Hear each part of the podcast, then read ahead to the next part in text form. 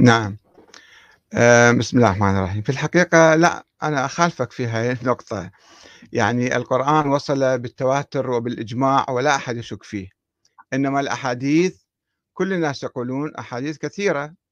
الآن الكافي اللي إجانا 16 ألف حديث به والعلامة المجلسي يقول فقط 2000 حديث صحيح.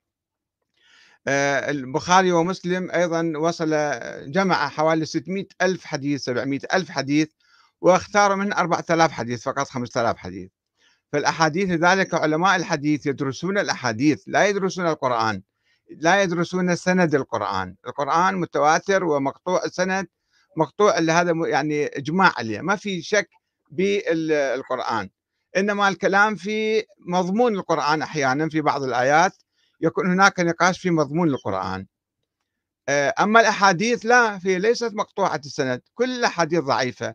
وخاصة إذا أجدت من أناس مشبوهين وناس معادين وناس عندهم منهج الكذب يروون حديث عن الإمام الصادق عن رسول الله أنه إذا كثرت البدع فأنتم اتهموا ذول أصحاب البدع وكذبوا عليهم وافتروا عليهم وباهتوهم وش ما تردون كذبوا حتى سقطوهم. أكو منهج إعلامي لإسقاط الآخرين ونشاهد اليوم حتى أي واحد يختلف مع شخص واحد آخر فيستحل الكذب عليه والبهتان والافتراء والاتهامات الباطلة. فالصراعات التي نشأت في القرون الماضية وبالذات الإمامية الذين آمنوا بنظرية الإمامة هؤلاء اضطروا لكي يسقطوا الخلفاء الراشدين والصحابة. أول شيء قالوا كل الصحابة ارتدوا لأنه ما بايعوا الإمام علي إلا ثلاثة أربعة بعدين قالوا لا مثلا شوي وسعوها. هاي سابقا كانوا يقولون الآن الحمد لله رب العالمين الشيعة لا يقولون بذلك وعلماء الشيعة أيضا لا يقولون بذلك.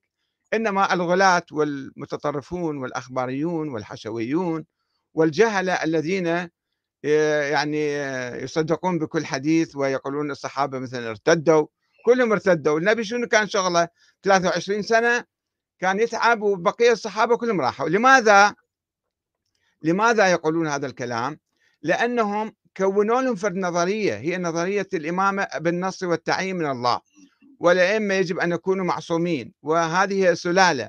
وهي نظرية مو متكاملة نظرية متهافتة ونظرية يعني ينقض بعضها بعضا وما تقوم على أسس لا عقلية ولا قرآنية ولا من السنة النبوية ولا من أهل البيت.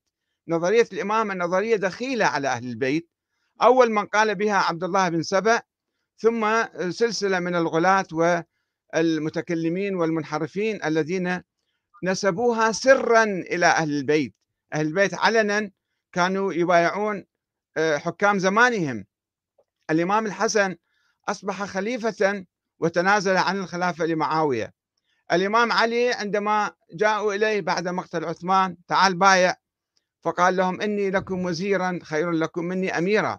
وأنت قرأت بعض مجموعة أكاذيب بالحقيقة أنت ما ما متحقق من عندها. رويت مجموعة أكاذيب وأساطير وخرافات وأنه عملوا كذا وقتلوا النبي وقتلوا الوصي غيلة حتى حتى فدك لم تكن اغتصابا. إنما مسألة قانونية. الآن لا أتحدث عن الموضوع وعندي بحث مستقل كم مرة متحدثين عنه في قنوات آه، فدك كانت يعني عندها تسع تسع آه، بساتين أخرى ومزارع أخرى لم يأخذها من عندها. فقط ها كان فيها خلاف أنه هي كانت آه، ملكها لو كانت تحت يدها وأخذها أبو بكر وحطها في في بيت المال لكي يجهز الجيش في قتال المرتدين.